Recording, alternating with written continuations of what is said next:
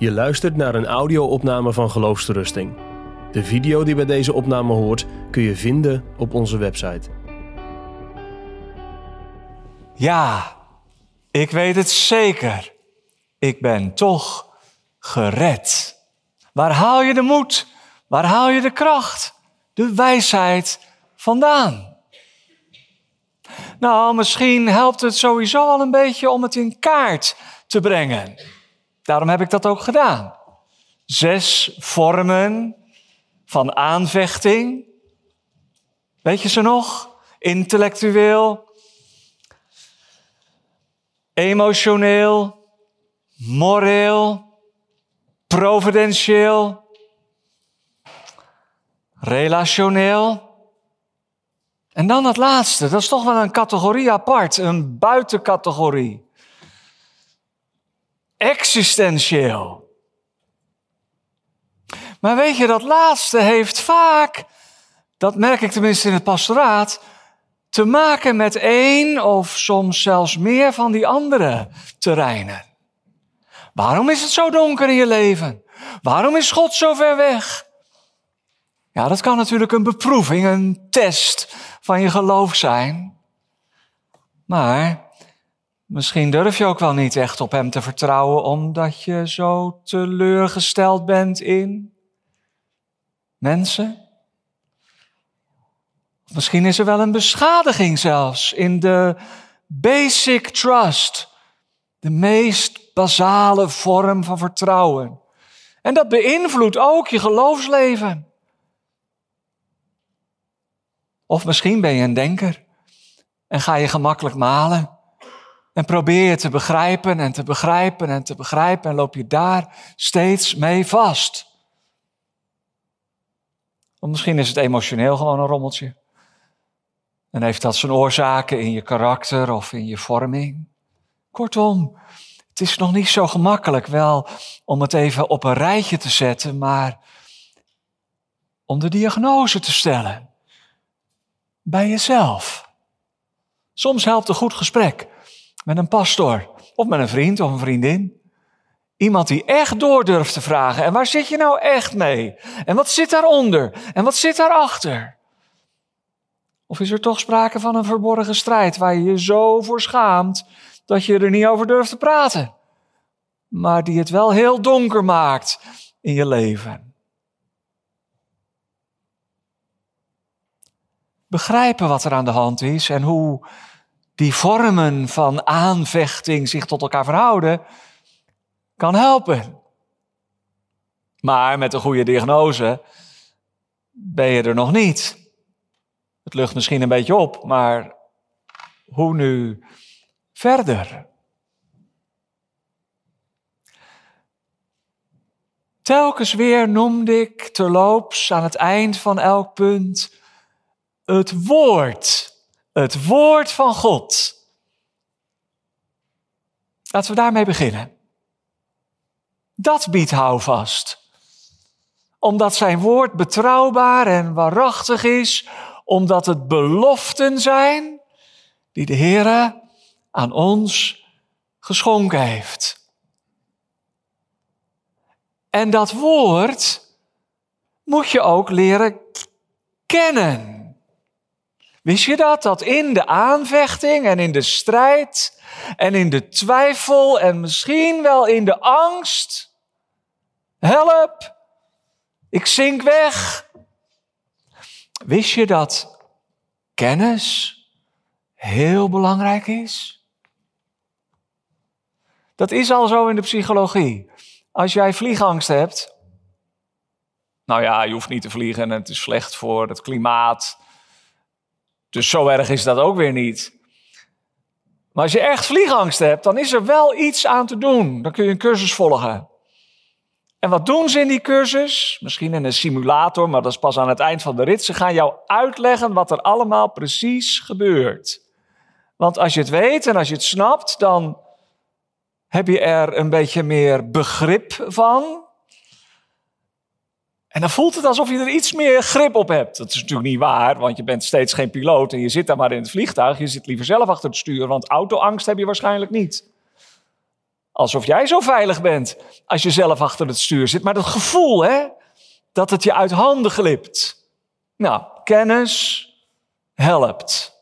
Ook al in de psychologie. En dat is in de geestelijke psychologie nog veel meer het geval. Hoe vaak staat het niet in de Bijbel? En ik weet. Kennis is gewoon heel belangrijk. Bijbelkennis, kennis van wie God is, kennis van de geloofsleer. Hoe zit dat nou precies met die moeilijke vragen? Dat je er ook echt in verdiept. Misschien juist voor de denkers onder ons. Kennis is niet verkeerd. Het is juist heel mooi God liefhebben met je verstand. Ik weet in wie ik geloofd heb, zegt Paulus. Ik weet. En die man die blind geboren was en door de Jezus genezen werd en werd aangevallen in de synagoge. En zijn ouders zeiden, ja, wij weten ook niet precies wat er gebeurd is. Hij is volwassen, vraag hem zelf maar. Het moet ook eenzaam geweest zijn voor die man die zo blij was met zijn genezing. En dan zegt hij, mooi is dat eigenlijk, hè? zeker als je dat op jezelf toe mag passen. Eén ding weet ik. Dat ik blind was en nu zie. Kun jij dat ook zeggen? Ik zie het nu toch heel anders. En met alle twijfel die ik heb en met alle vragen en alle strijd. één ding weet ik. Dat ik blind was. Maar dat ik nu de Heer Jezus zie. En hem niet meer kan missen. Eh, nog een voorbeeld. Job op de ashoop, te midden van zijn vrienden met al zijn vragen en klachten. Het is niet eerlijk, het is niet rechtvaardig, ook niet van God. En hij krijgt nog gelijk ook aan het eind. Wij zouden Job geen gelijk geven, maar de Heer zegt: Jullie hebben niet recht gesproken van mij, niet juist gesproken van mij, zoals mijn knecht Job. Maar dan midden in al die toespraken zegt Job opeens, je kent de tekst wel, en ik weet, mijn borg, mijn losser leeft. Mooi is dat eigenlijk wel, hè? Ik weet.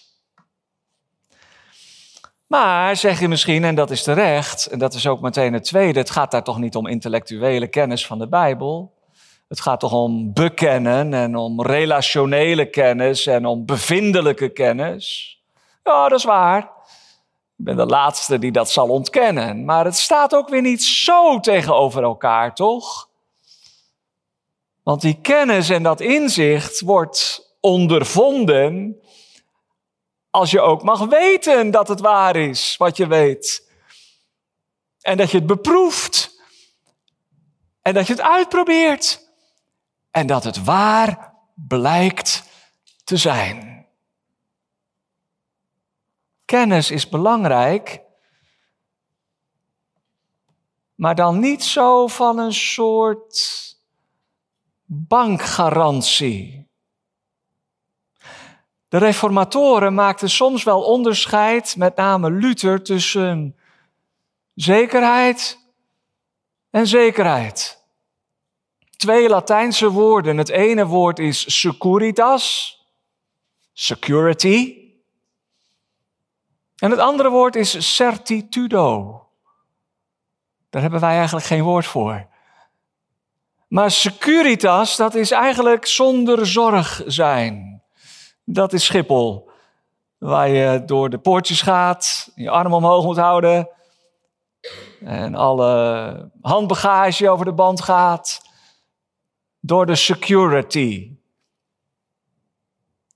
En als je zou weten dat er één promil kans is dat het vliegtuig het niet haalt, zou je er niet instappen. Ook al is het maar één op de duizend, dan zou je zeggen, nou, 999 vliegtuigen komen aan en die ene net niet. Nou ja, dat zal toch mij wel niet overkomen? Nee, nee, lege vliegtuigen. Als dat de boodschap zou zijn. Wij willen volkomen bankgarantie, ook al weten we dat het wel eens fout gaat, dat het veilig is. Security. Dat is er in het geloof niet, zegt Luther. Dat er is, is er in je relatie ook niet. Ik hoop niet dat je dat vraagt van je vriend, Securitas. En dat je alles altijd controleert. Dan heb je geen leven. En hij zeker niet. Nee, dat is, dat is ook zekerheid. Maar dat is vertrouwen. Dat is certitudo. Dat is ervan op aankunnen dat de ander betrouwbaar is. Het is geen wiskunde. Het is niet de zekerheid waarmee je in het vliegtuig stapt, maar de zekerheid waarmee je in het huwelijk stapt.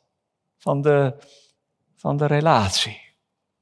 Dat onderscheid helpt ons misschien ook wel. Want sommige jongeren, maar misschien ook wel ouderen, die hebben een verkeerde voorstelling van de zekerheid des geloofs. Alsof het dan allemaal eh, vast en zeker moet zijn. Alsof het wiskunde is. Nee, het is altijd een element van vertrouwen. Maar dat vertrouwen hangt niet in de lucht. En dat is het derde. Dat vertrouwen is op een bijzondere manier gebaseerd op de beloften van God. Daar mag je ook gebruik van maken. Sommige beloften zijn heel algemeen. Kom tot mij, allen die vermoeid en belast zijn. Ik zal u rust geven. Sommige beloften zijn wat meer bijzonder of conditioneel in die zin dat het om een specifieke groep gaat.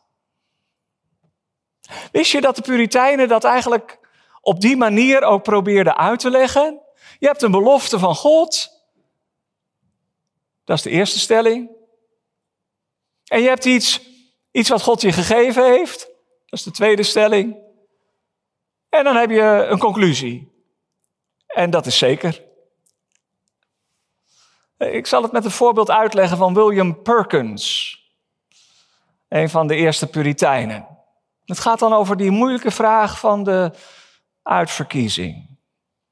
En dan zegt hij de stelling uit de Bijbel, dat is niet direct een belofte, maar het is een Bijbelse waarheid. Nummer 1. Allen die geloven in de Heer Jezus zijn van eeuwigheid uitverkoren. Is dat waar? Ja, dat staat in de Bijbel. Niet omdat ze geloven, dat zou dan remonstrant zijn, maar het is wel waar. Iedereen die gelooft in de Heer Jezus is uitverkoren. Oh, maar ik geloof in Hem. Dat is de tweede stelling, hè? Ik kan Hem niet missen. Ik vertrouw op de Heer Jezus met heel mijn hart. Dus, dus, ik ben uitverkoren van alle eeuwigheid. En dat gaat nooit meer over. Dat ligt vast bij God. Nou kijken jullie, sommigen van jullie mij glazig aan, maar ja, voor zover ik dat kan zien met die lampen.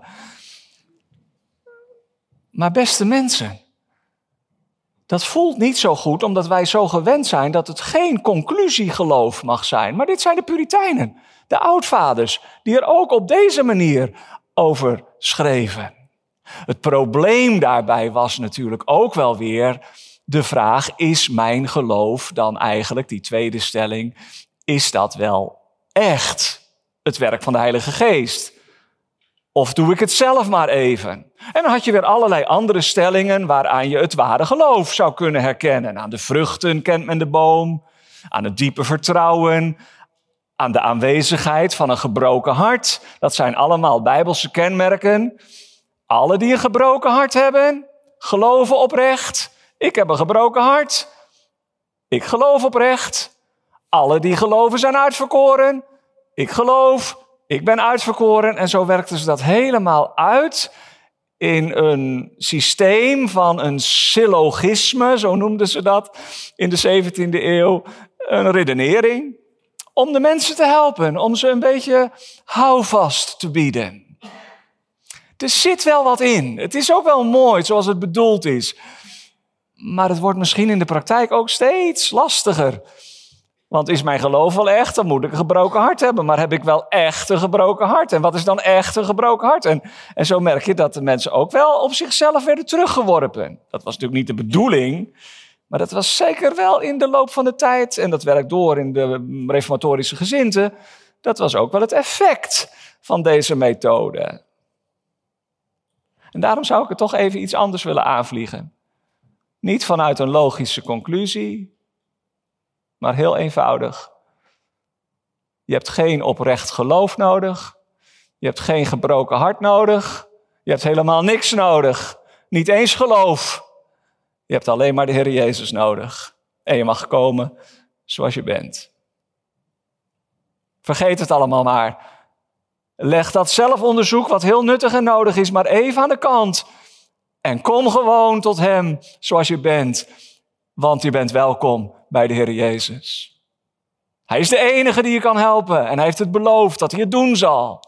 Wie tot mij komt, zal ik zeker niet, geen zins uitwerpen. Ja, alles wat de Vader hem geeft, zal ook tot hem komen. Maar daar hebben wij niet direct mee te maken. We hebben te maken met zijn uitnodiging om te komen zoals we zijn. Ben je een huigelaar? Geef niet. Ja, is heel erg natuurlijk. Is het heel erg als je een huigelaar bent, dan ben je niet oprecht. Ga niet zitten wachten tot je jezelf oprecht gemaakt hebt, want dan gaat je niet lukken. Maar kom tot hem met een onoprecht hart. Hoe verkeerd het ook is en hoe huigelachtig. En zeg, Heer Jezus, u kan ik niet missen. En als we daar dan van uitgaan, dan zou ik toch nog wel willen zeggen, ja, weten en kennen. Als je zo tot hem komt, als je de Heer Jezus niet meer kunt missen, dan ben je ook uitverkoren. Dat heb je niet van jezelf. Dat heb je van Hem. Kennis is belangrijk. Het gaat om het vertrouwen en niet alleen maar om intellectuele kennis en zeker niet om security, maar om een relatie. Je mag soms ook, want dat was de bedoeling, werkzaam zijn met die beloften van God. Maak er gebruik van. God heeft ze niet voor niets gegeven. Maar uiteindelijk ligt het houvast en de zekerheid van het geloof in de verbinding met de Heer Jezus. Die strijd waar we steeds over spraken, dat is alsof, God een, alsof de duivel een wig wil drijven tussen God en jou, tussen Jezus en jou. Daarom zegt Paulus aan het eind van het prachtige hoofdstuk dat er niets of niemand is die scheiding zou kunnen maken tussen Christus en de gelovigen. Er is een verbinding. Ik vergelijk het vaak met een vlieger die je oplaat als jongetje van een jaar of tien in de Katwijkse duinen. Vond ik dat zo prachtig om met mijn kleine vlieger de meeste mensen hadden veel grotere vlieger. Ik had een kleine, maar ik had wel een heel lang touw. Om die vlieger op te laten. Zo hoog. Met een harde wind. Dat er maar een klein, klein stipje van overblijft. Je kon hem bijna niet meer zien. En dan met die wind daar aan de kust. Voel je dat vliegertouw trekken. En je voelt de verbinding. En zo is er ook tussen hemel en aarde die wonderlijke verbinding met de Heer Jezus. Als de wind wegvalt, dan valt het vliegertouw slap. En dan voel je het niet meer zo trekken. En die vlieger kan zo hoog zijn dat je hem haast niet meer kan zien. Als er dan weer een windvlaag komt, dan voel je de verbinding. Hij trekt je naar zich toe. Ja, er zijn allerlei dingen in al die zes verbanden die ik genoemd heb, die proberen scheiding te maken. De dood en de angst voor de dood. Sommige mensen houden het in hun greep. En ze zitten helemaal vast. Ze weten niet waar ze zoeken moeten. Dood of leven. Sommige mensen gaan zo op in het leven dat ze God vergeten.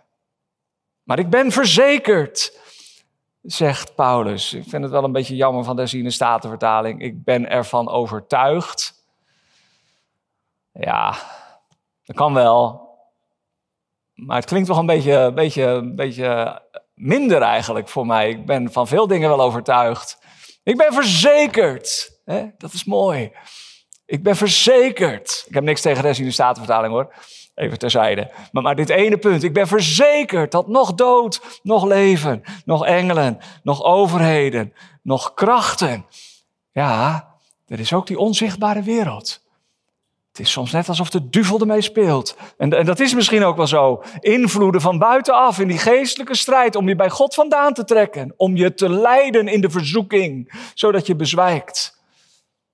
Om je allerlei gedachten voor te spiegelen, zodat je gaat malen en erin vastloopt. Of om je zo teleurgesteld te maken. Maar misschien had je er zelf ook wel te veel van verwacht.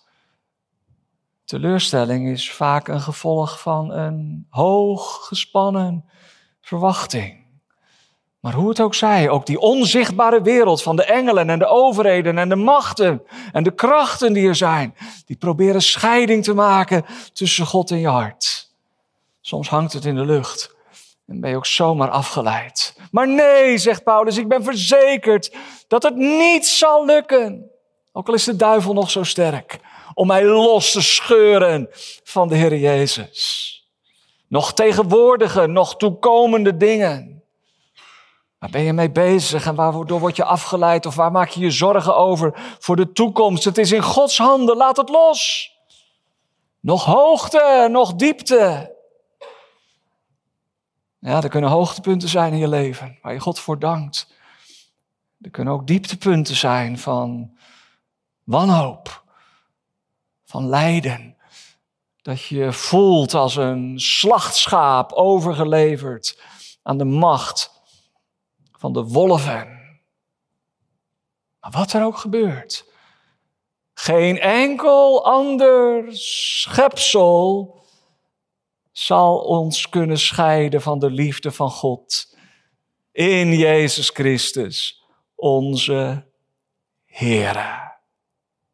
Al die aanvechtingen proberen een wicht te drijven tussen hem en jou. Laat het niet gebeuren. Laat je troosten door de belofte dat het niet kan en niet zal gebeuren, omdat hij er zelf voor instaat. Wie zal ons scheiden van de liefde van Christus? Want wat het ook is, het zijn allemaal schepselen. Meer niet. Ze zijn uiteindelijk aan zijn voeten onderworpen. Dat niets of niemand ons zal kunnen scheiden van de liefde van God in Christus Jezus, onze Heere. Heere, want Hij heeft een prijs betaald. De prijs van zijn kostbaar bloed, ook voor jouw zonden. Hij kent ook jouw strijd en jouw aanvechting. Als je vanavond Hem niet kunt missen en in Hem gelooft, dan mag je het weten. Ik ben van Hem. Wat ik er ook van terechtgebracht heb en hoe diep het er ook door moet. Hoe donker ooit Gods weg mogen wezen. Ik ben van Hem. En dat is mijn enige trust, troost, hou vast in leven en sterven. Dat Hij de prijs volkomen heeft betaald. Jezus, Jezus alleen, Zijn gewilligheid, Zijn liefde, Zijn offer, Zijn trouw, Zijn genade zijn roepstem. Kom maar, kom maar tot mij en stel je vertrouwen op mijn belofte. Jezus alleen is en blijft het geheim van onze houvast. We houden Hem niet vast, maar Hij houdt ons vast. En wij hebben Hem lief, omdat Hij ons eerst heeft lief gehad. En dat kan nooit meer stuk. Amen. Je luistert naar een podcast van Geloofsterusting. Wil je meer luisteren, lezen of bekijken? Steun dan ons werk en ga naar de website geloofsterusting.nl.